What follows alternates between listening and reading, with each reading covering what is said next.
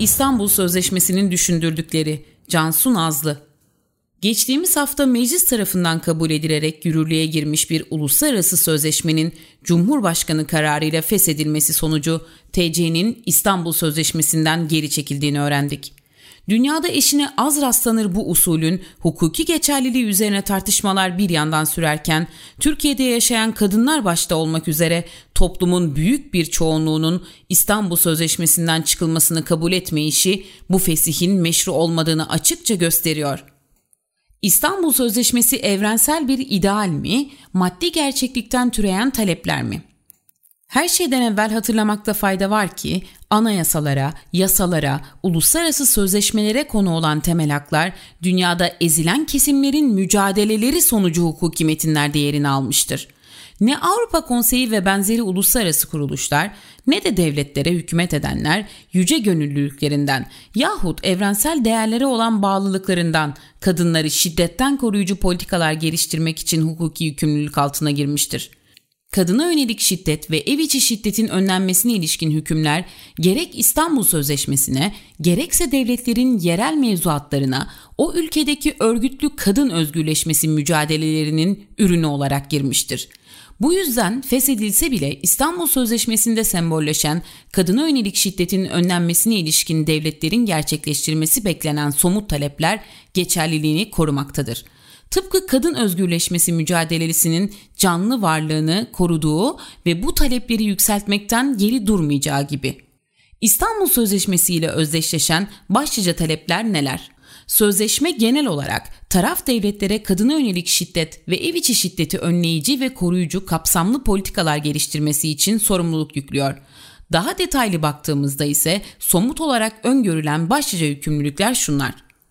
Kadına yönelik şiddet ve ev içi şiddet ihbarlarına gizlilik ilkesi kapsamında ve ülke çapında 7 gün 24 saat faaliyet gösteren ücretsiz telefon hatları oluşturmak başta kadın ve çocuklar olmak üzere şiddet mağdurlarına kalacak güvenli yer sağlamak ve yeterli sayıda kolayca erişilebilir barınaklar oluşturmak. Şiddet eylemlerine maruz kalmış mağdurlara kısa ve uzun dönemli uzman destek hizmetleri sağlamak.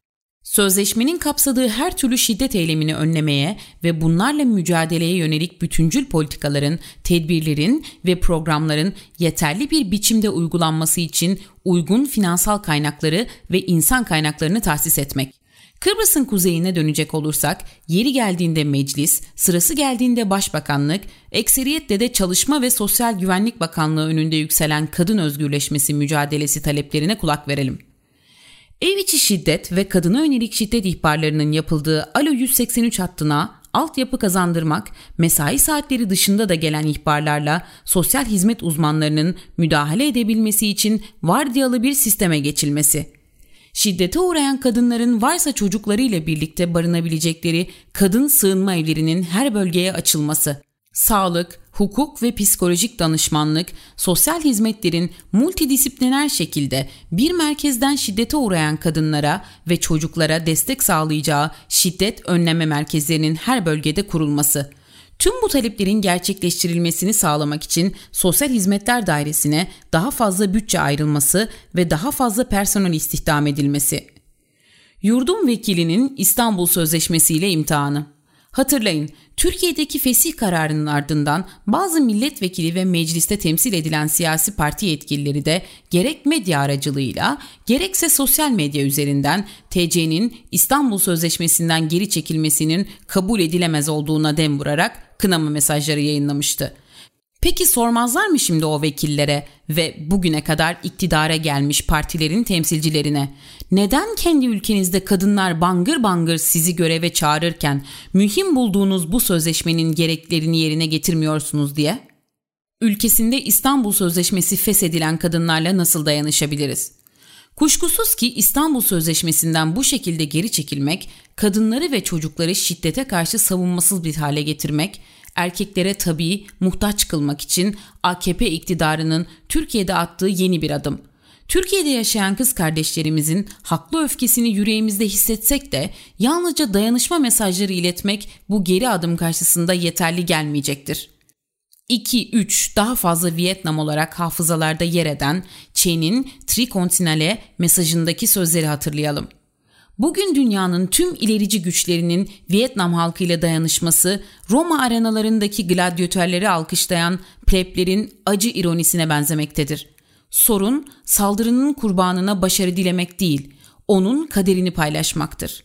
Kişi zaferde ya da ölümde onunla olmalıdır.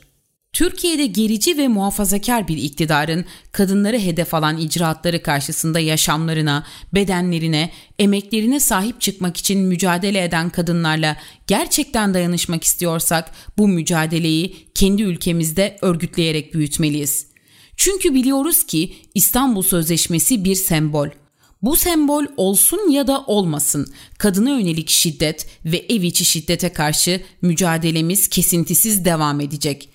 Emeğimiz, bedenimiz, yaşamımız bizimdir.